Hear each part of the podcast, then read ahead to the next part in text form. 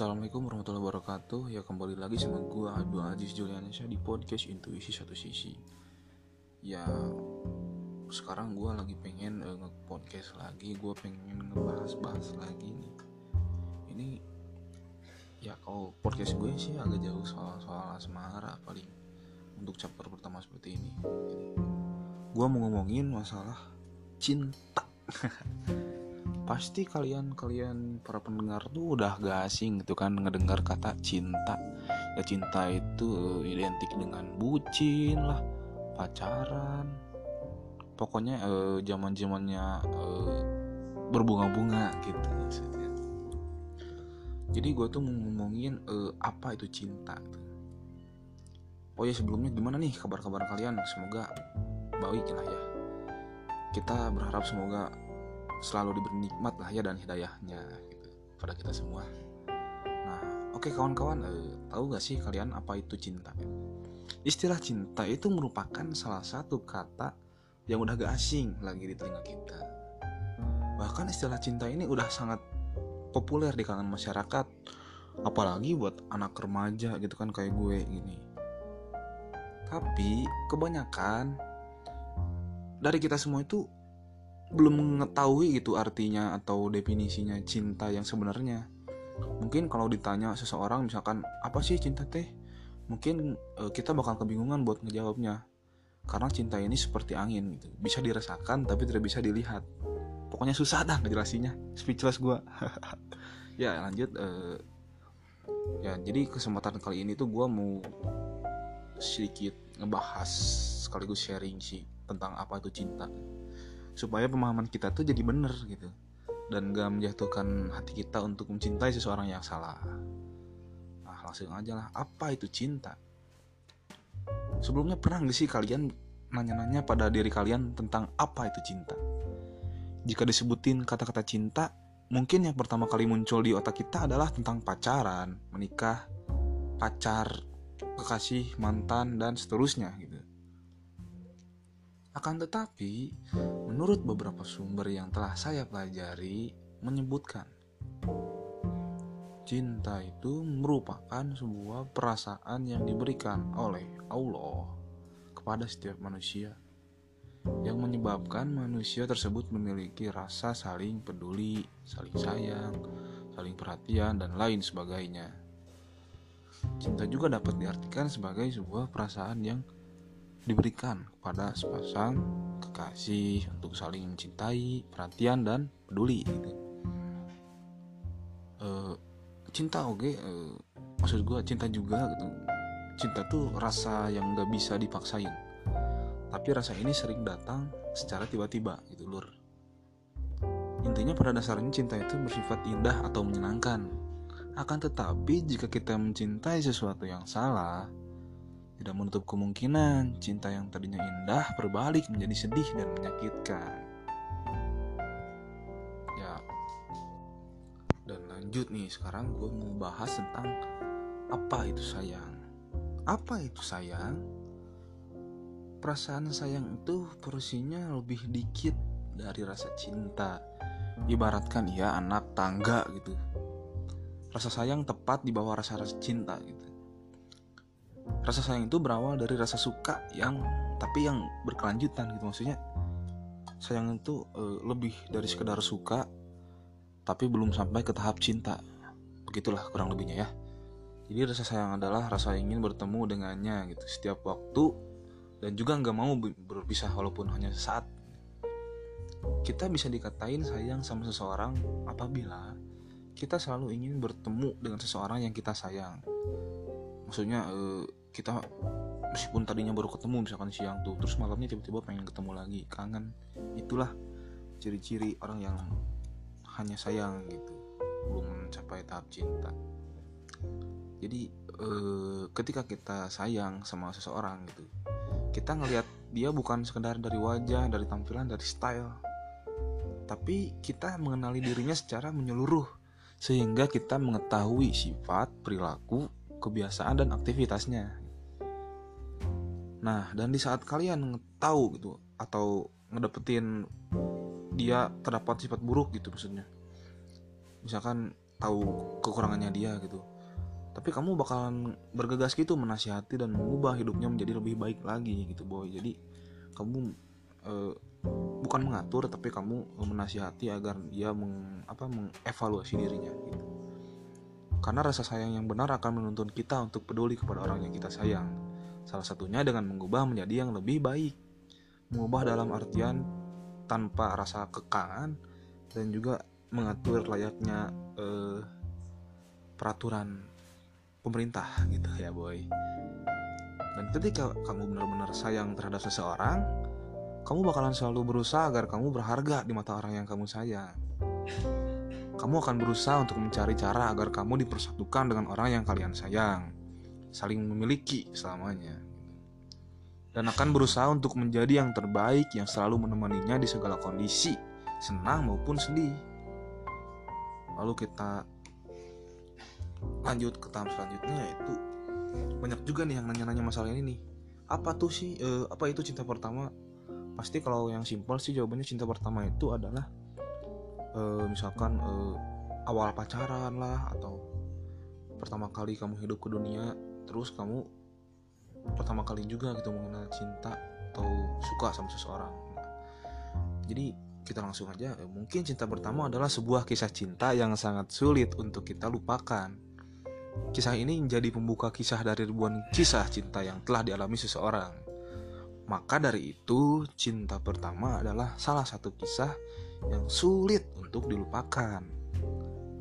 Di sini aku mau ngasih nih dikit-dikit informasi mengenai perbedaan cinta pertama dengan pacar pertama. Nah, sebenarnya beda gitu meskipun kadang-kadang orang di luar sana mengartikannya sama gitu. Soalnya pacaran kan identik dengan cinta itu kan bagi orang-orang awam tuh. Emang sih sekilas kedua hal ini tidak memiliki perbedaan gitu. Tetapi kalau ditelusuri lebih dalam ada beberapa perbedaan dari dua hal ini. Nih gue kasih tahu nih kalau cinta pertama itu eh, seseorang yang telah mengubah hidup kalian menjadi aneh sering bicara sendiri senyum sendiri ketawa sendiri malas makan dan hal aneh lainnya yang bikin gak mood tiba-tiba gitu. Langsung yang cinta pertama juga itu adalah seseorang yang bisa membuat kita bercermin bercermin untuk pertama kalinya terus bisa buat kita juga jadi grogi gugup salting saat ketemu gitu. Ngelihat atau ngobrol sama dia. Seseorang yang bisa bikin kalian untuk selalu tampil perfect ketika akan bertemu dengannya. Dan juga yang selalu membuat detak jantung kita berdetak lebih cepat saat berada, berada di apa di dekatnya gitu. Dia juga sering gitu. Sering kalian perhatiin gitu walaupun ngelihatnya dari jarak jauh karena kalau ngelihatnya dari deket nggak berani gitu alias malu. Jadi malu-malu mau teh gitulah. Terus seseorang yang selalu hadir dalam pikiran kita. Sehingga dia selalu terbayang dalam semua aktivitas yang kita lakukan. Dan parahnya lagi sih dia tuh sering gentayangan gitu. Saat mau tidur itu kita tuh. Jadi secara tidak langsung dia membuat kita itu jadi insomnia. Nah, bedanya dengan pacar pertama, kalau pacar pertama itu seseorang yang pertama kali ngungkapin perasaan ke kamu atau sebaliknya. Langsung eh, dia juga yang membuat rame handphone kamu dengan chat gak pentingnya. Kadang-kadang bikin males juga. Terus seseorang yang memanggil kamu dengan sebutan-sebutan alay seperti yang, beb, cintaku, atau uh, bi, baby lah segala macem pokoknya terus dia yang sering ngajakin juga kamu keluar malam minggu jalan-jalan makan malam. Main PS juga mungkin sih. Tapi ya walau alam lah itu ya. Terus eh, seseorang yang selalu ingin diprioritaskan dalam hidup kalian. Nah itu sih pacar pertama tuh. Jadi apa-apa tuh harus jadi prioritas gitu misalkan. Misalkan kalau di di WhatsApp nih pengen tuh di pin. Terus harus fast respon lah. Maksudnya meskipun ada urusan penting yang lain tetap, tetap gitu si pacar tuh pengen di nomor satu kan gitu tuh pacar pertama tuh terus dia juga yang pacar pertama tuh yang seseorang yang selalu ngatur gitu hidup kita. Sama aturan itu yang gak jelas teh gitu. Dan juga dia selalu ingin dilindungi gitu oleh kita. Jadi apa ya maksudnya? Bukan bodyguard tapi ingin saja itu dilindungi dilindungi oleh kita tuh. Memang harusnya kita melindungi sih apalagi kalau misalkan kita para lelaki gitu ya. Wajib sih untuk melindungi pacar kita gitu. Terus juga suka ada uh, seseorang yang selalu cemburu saat kita deket sama temen cewek gitu. Misalkan kalau kita cowok ya. Begitu pun sebaliknya gitu. Walaupun si itu juga uh, si pasangan kamu juga tahu gitu kalau mereka yang dekat sama kita tuh itu tuh teman kita gitu. Nah mungkin segitu saja untuk pembahasan cinta pertama dan pacar pertama. Langsung ada juga nih yang cinta yang paling menyakitkan sih menurut gua ini sih.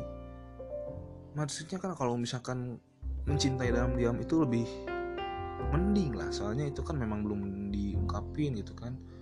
Tapi bukan berarti bakal ditolak juga kalau diungkapin. Nah ini sih lebih parahnya cinta bertepuk sebelah tangan Nah, seperti yang kita ketahui, perasaan cinta kepada manusia nggak selalu berakhir dengan kisah seneng, bahagia, atau happy ending. Tapi di balik rasa senang itu terselip rasa sedih di dalamnya. Akan tetapi gak bakal banyak yang tahu tentang ini. Kebanyakan di antara kita itu nganggep cinta sama makhluk bakalan ngedatengin kesenangan, kebahagiaan, perhatian, dan lain-lain lah. Tanpa melihat lain sisi. Padahal saat kita mencintai seseorang, kita membuka dua perasaan masuk dalam diri kita, sedih dan senang. Perasaan sedih yang kerap dialami oleh orang yang mencintai adalah cinta bertepuk sebelah tangan.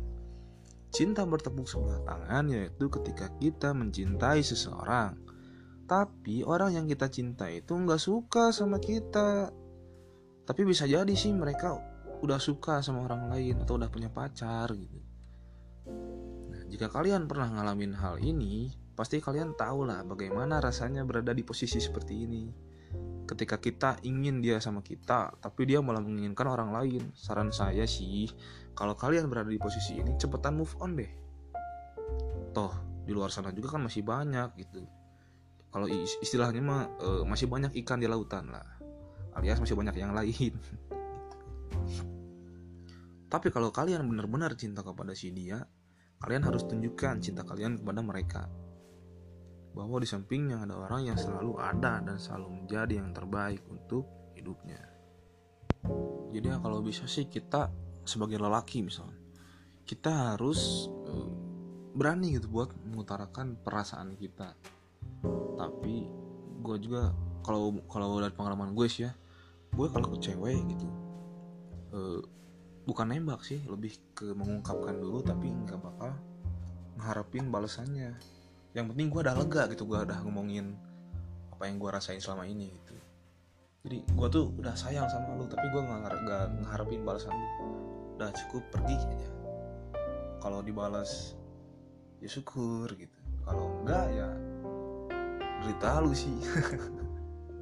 Ya kita lanjut lagi nih ke cinta yang paling sakral menurut gue yaitu cinta sejati Selain kata cinta, istilah cinta sejati juga tidak kalah populer nih sama istilah cinta. Apa sih cinta sejati itu? Mungkin hal pertama yang muncul di otak kita tuh tentang cinta sejati itu adalah seseorang yang selalu ada di hidup kita. Definisi itu emang benar. Tapi menurut gue sih yang definisi yang paling tepat tepat itu gitu maksudnya eh, mengenai cinta sejati itu adalah cintanya karena Allah gitu maksudnya dan rasul dan rasul rasulnya karena mencintai ketika kita mencintai Allah sama rasulnya kita tidak akan merasakan sebuah kesedihan atau patah hati. Dan kita dapat bertemu dengan orang yang kita cinta di dua alam yaitu alam dunia dan alam akhirat. Jadi cinta sejati yang sebenarnya adalah sebuah rasa cinta yang tidak menyalahi aturan yang Allah tentukan. Alias menjauhi larangannya mendekati perintahnya. Otomatis lah gak bakal lah ke seperti jinah jinah itu gak bakal.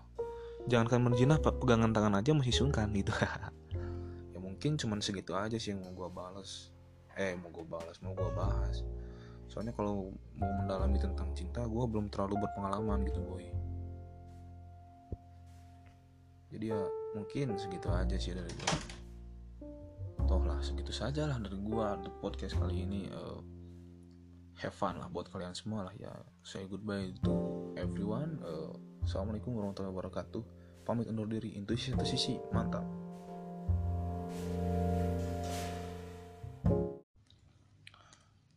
Halo guys, how's it going?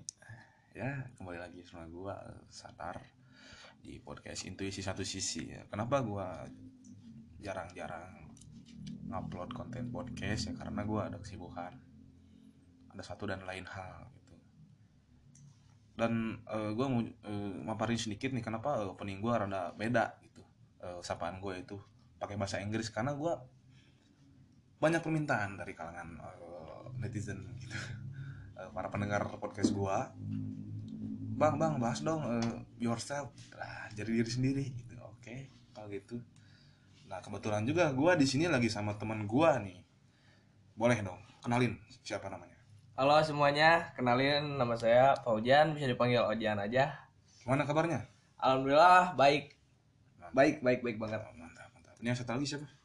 Ya, nama saya Sarul Mulyana, bisa dipanggil Mul atau Segap. Dan selamat malam untuk para pendengar intuisi satu sisi. Perkenalkan. siap siap. Mantap mantap. Ya, jadi ya kita sekarang mau ngobrolin nih soal be yourself yaitu yang artinya itu jadi diri sendiri. Ya ya. Ngomong-ngomong soal be yourself nih. Pendapat Bro Oja nih tentang be yourself itu apa? Oke, jadi menurut menurut gue nih ya, be yourself itu kan artinya bisa disebut jadilah diri sendiri. ya Ketika seseorang mempunyai keinginan mem- membuat seseorang eh membuat seseorang itu terkesan, pasti dia akan berubah 360 derajat dari sifat aslinya. 360 derajat lingkaran dong Oh iya, 180 derajat berarti. oh iya 180 derajat dari sifat aslinya. Kenapa bisa kayak gitu? Karena belum tentu diri kita sendiri itu bisa membuat orang itu terkesan. jadi terkesannya tuh memaksakan untuk eh, tampil lebih gitu ya di Dalam artian dia. ya bisa sebut gitu. Karena kan kadang orang yang belum kita kenal itu bisa memandang kita kan bisa sebelah mata dan belum tahu apa sih dalam dalam mendalam lah lebih mendalam diri kita itu. Jadi kita lebih baik tampil apa adanya dan percaya diri aja.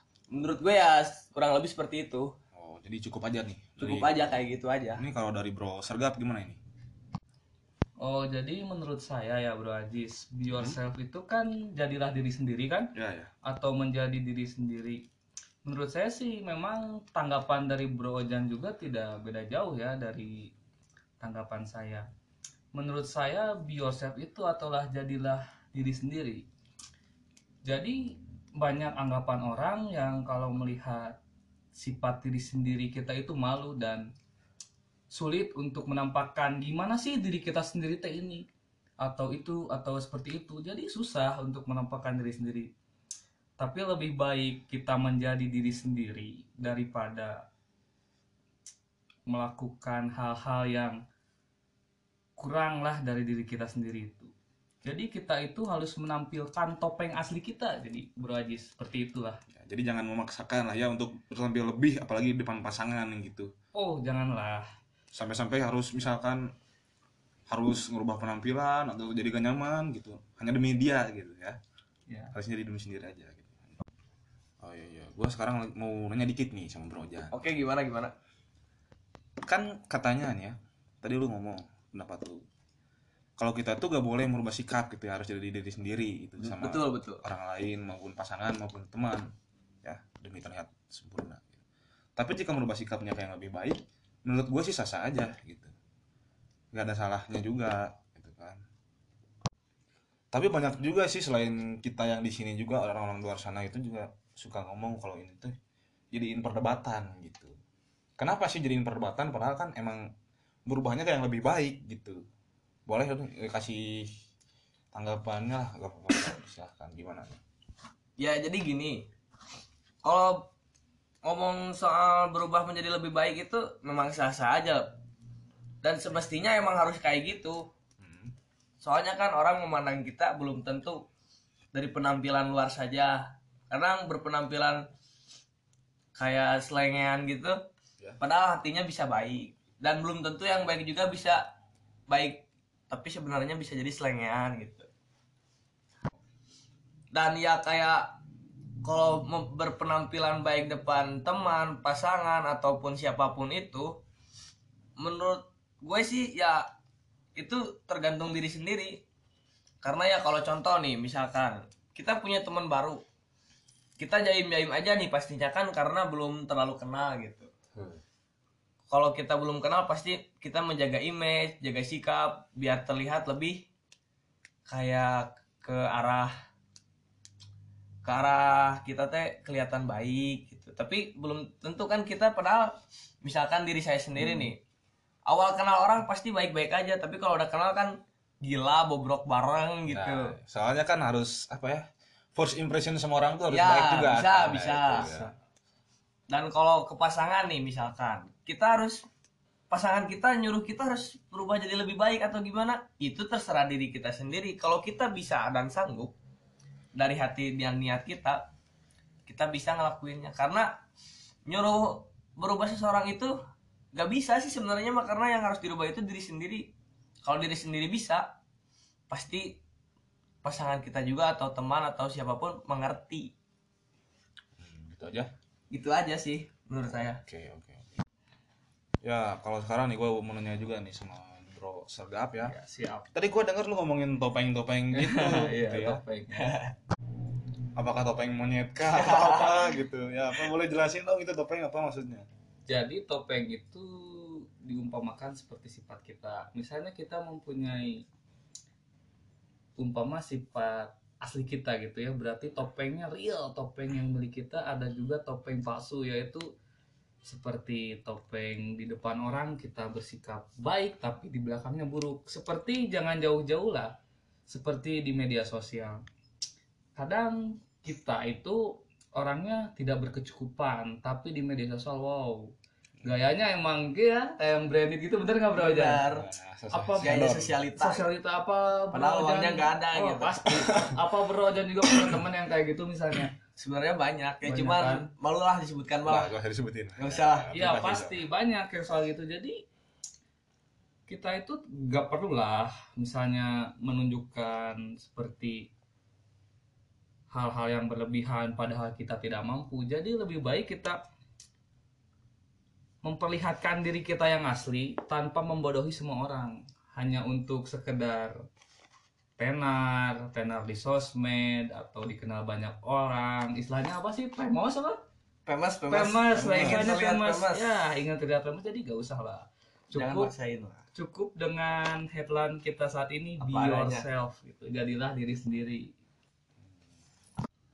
Ya kalau yang soal yang gaya-gayaan di sosmed gitu juga ya gua ngerasa lah gua pernah pengen gitu Pasti sih pasti. kelihatan lebih gitu di sosial media Hmm. misalkan snapgram misalkan lagi di tempat yang Ya, estetik, estetik kayak yang gitu. wow gitu ya. Jadi ya, iya. apa-apa tuh misalkan dari setiap momen tuh di- hanya untuk dijadikan kebutuhan instastory misalkan gitu ya Bisa disebut. untuk menarik cewek-cewek lah biar pengen gitu. Biar kelihatan wow depan sosmed. nah tapi ya gua pikir-pikir lagi buat apa gitu oh kita juga hidup di dunia nyata kan bukan dunia Sosmed. sosmed di maya gitu jadi ah gitu selama itu gue kayak gimana ya ngelakuin hal-hal bodoh gitu Ya gue gue juga sependapat sih sama lu Bro Ajis. Karena ya teman-teman gue gitu yang di Instagram rata-rata gitu. Kalau gue lihat-lihat instastorynya pasti ya pingin terlihat wow padahal keadaannya tidak memungkinkan gitu. Mm. Mereka tampil berbeda di sosmed agar kelihatan sama teman-temannya keren. Biar kelihatan wah banyak uang. Padahal sebenarnya di rumah itu bebannya banyak. Beban orang tua mah ada. beban buat ya yang lagi sekolah, lagi kerja, lagi kuliah pasti banyak kepikiran. Ya saran gue sih ya kalau Hmm. buat orang-orang kayak gitu mending janganlah kasihan orang tua kalian dan gue juga pernah kayak gitu. Gue ngalamin juga jadi udah gede sekarang mah kalian juga kan bisa berpikir ya buat yang untuk yang dengar-dengar podcast ini gitu. berpikir dewasa. kalian berpikir dewasa dan jadilah diri sendiri. nah nah benar juga kan kata Bro Jan jadi kita itu nggak usah lah di dunia maya itu jor-joran kayak yang ada Nah, benar benar. coba nih ya kita di media sosial gini pas kita ketemu sama orang kitanya lagi keadaannya lagi buruk gimana dong? Lihat di media sosial nih kita naik sosialita gitu naik Ya, mobil misalnya gitu ya. naik mobil. Kenyalaannya kita naik apa? Head naik on, gitu ya. angkot. Ya, angkot naik ojek. Kadang mobil itu juga emang mobil sendiri kita atau mobil orang lain ya? Ya takutnya gitu soalnya pasti kan nanti misalnya ke mana-mana kalau kita itu kan jadi malu ke diri kita sendiri Nah, kan. benar. itu jadi istilahnya ngagoreng diri sorangan lah cek bahasa Sunda mah gitu. Aku goreng jadi menjelek-jelekan diri sendiri gitu dalam bahasa Sunda gitu kan. Jadilah nggak usah lah di media sosial bahwa pokoknya kita tampil seadanya. Ya kalau kita tampil seadanya orang pun jadi mem- memandang kita kan udah jiwa asli gitu. Jadi nggak usah lah terlalu di media sosial terlalu terlihat wow gitu ya. terlihat wow atau membesarkan dirinya bahwa dirinya ada tapi kenyataannya tidak tidak ada. ada gitu. Mantap mantap. Ya seperti itulah kurang lebih. Oh iya nih bro Ajis. Oh siap siap. segitulah. Gue ada beberapa pertanyaan nih. Hmm. boleh boleh. Kalau menurut lo nih ya tentang anak-anak muda zaman sekarang nih. Hmm. yang temen-temennya emang udah dari lahir lahir itu head on gitu ya. Head down gitu ya yang orang Kaya. tuanya kerjanya enak gitu Enak. dan keluarganya enak. Mapan dan yang temannya satu ini teh kurang kurang dalamnya ya orang Segala tuanya berbeda gitu berkecukupan gitu lah untuk keluarganya. Tapi dia ingin seperti temannya mereka eh teman-temannya dia itu yang yang kaya yang hedon itu menurut pendapat Bro Ajis itu melihat anak muda itu gimana? Hmm, jadi tadi teh eh hmm, jadi intinya tuh misalkan ada anak nih ada orang ya. Hmm, ya mungkin hmm, orangnya tuh bisa tergolong ke golongan yang kurang mampu gitu kan misalkan. Tapi ya begitu. banyak temannya gitu ya dikarenakan lingkungannya banyak Ah, yang eh, lebih. hedon atau ya banyak duit lah ya gitu intinya gitu. tuanya. jadi dia juga ingin menyesuaikan ya mungkin gitu ya. Mungkin bisa. Karena kenapa gitu? Gue juga ngerti lah yang mereka rasakan. Soalnya kalau lingkungan mereka itu mayoritasnya orang yang hedon terus dia sendiri nih yang satu-satunya orang yang kurang kurang cukup itu dari segi ekonomi, Ekonomi. ya gitulah kurang berkecukupan. Dia juga sebenarnya ingin seperti mereka ingin agar terlihat setara gitu. ya bisa disebut gitu loh. Tapi sih kalau menurut gua ya jadi kesannya tuh kayak apa ya kayak maksain gitu. Ya bisa disebut maksain. Maksain gimana? Ya maksudnya eh, apalagi kalau misalkan sampai ada temennya nih ini kalau misalkan cewek beli beli tas tas branded ya misalkan. tas yang baru gitu. Yang sampai berjuta-juta terus dia ngerengek-rengek nih sama orang tuanya pengen yang gitu nah juga. itu. Kasihan juga kan orang tuanya benar gitu. benar kasihan. Ya masa sih misalkan si ibunya misalkan tukang cuci piring bapaknya atau supir supir angkot bisa atau kuli kasar lah. Iya gitu. Masa mau minta duit buat beli cuman buat beli tas branded gitu? Demi ya dipandang orang gitu ya. Karena teman-temannya gitu kan ya buat apa juga gitu apalagi kalau ya gitulah. Kebanyakan si cewek sih ya kalau iya. gitu. Sih. tapi nggak menutup kemungkinan cowok juga banyak gitu Banyak. kayak gitu gitu kan. Oh jadi kayak gitu Bro Ajis menurut Bro Ajis tentang anak muda yang pingin terlihat wow padahal keadaannya memaksakan gitu? Ya ya sih kurang lebihnya kayak gitu sih. Kurang lebih gitu. Ya jadi setuju-setuju aja sih gue juga karena ya pemikiran juga menurut gue dan gue melihatnya emang benar dan nyata gitu. Pasti terlihat juga kan di daerah kita. Ya menurut saya kan kalau misalnya ya bro Adis kita hidup di lingkungan seperti itu tapi rata-rata kan orang-orang seperti itu tidak bisa menerima misalnya kita kekurangan atau apa. Jadi menurut saya ya lebih baik dicampakkan di pertigaan jalan oleh mereka tapi dengan memang dengan diri kita sendiri gitu. Hmm. daripada da daripada kita ikut-ikutan mereka tapi bukan dengan diri kita sendiri atau kemauan diri kita sendiri. Itu anjing. Bener, bro kan emang gitu kan? Benar. lu lebih baik ditinggalkan atau dicampakkan di pertigaan jalan. Ya iya benar. Daripada kita ya ikut ke mereka ngintilin mereka tapi tidak menjadi diri kita sendiri gitu nah benar itu apalagi ujung-ujungnya cuma jadi babu Nah, Nah, itu. itu. Ya lebih Apa baik juga gitu. kita dicampakkan di pertigaan jalan, Hmm. tapi memang dengan keadaan diri kita sendiri diri kita sendiri dan sifat kita sendiri nggak usah ada lagi embel-embel ingin tenar lah atau famous lah ikut ke orang kaya nggak jadi nggak usah seperti seperti itulah ya, ya jadi intinya sih ya em, jadilah diri sendiri, ya. istilahnya ya. Jangan memaksakan misalkan Iya, kalau kalian memaksakan. em, merasa tertekan dengan keadaan itu janganlah ya. jangan jangan. Lebih baik jadi diri kita sendiri saja. menyesuaikanlah dengan isi dompet. Kalau misalkan untuk bergaul nih untuk Iya. bergaulnya. Misalkan lu gabung nih di yang eh, lingkungan yang head on head on ya udah jadi diri sendiri aja gak apa-apa gitu. Jangan Hmm. terlalu memaksakan. Udah itu cuma anggapan lo doang sih. Kalau misalkan teman-teman lu nerima-nerima aja ya Iya, iya. it's okay gitu. Iya, Oke. oke benar Fine, juga. aja. Cuman lu nya doang paling ngerasa insecure gua ngerti lah pokoknya gitu. Jadi is- istilah mah jadi gimana ya Bro jadi kita itu harus banyak bersyukur lah. Ya lah jelas. Karena nikmat apalagi sih atau nikmat Tuhan apalagi yang kita dustakan ya mungkin udahlah ya pembahasannya mah. Soalnya cuman segitu-gitunya aja gitu ya. Mungkin nih sebelum gua tutup sebelum Hmm. gua akhiri nih. Hmm. dari Bro Ojan sama Bro Sergat nih. Dari Bro Ojan dulu aja lah. Ya oke gimana? Apa pesan kesannya gitu tentang topik obrolan kali ini? Kalau pesan sih ya menurut gua nggak banyak sih. Cuman eh nggak banyak ya emang. Ya buat kalian gitu yang masih merasa insecure kalau ngelihat temen kalau melihat teman-teman kalian yang masih terlihat head on atau gimana janganlah ya. Mending kita jadilah diri sendiri dan bergaul menyesuaikan dengan isi dompet kita. Jangan memaksakan ke mereka yang ya emang udah takdirnya seperti itu.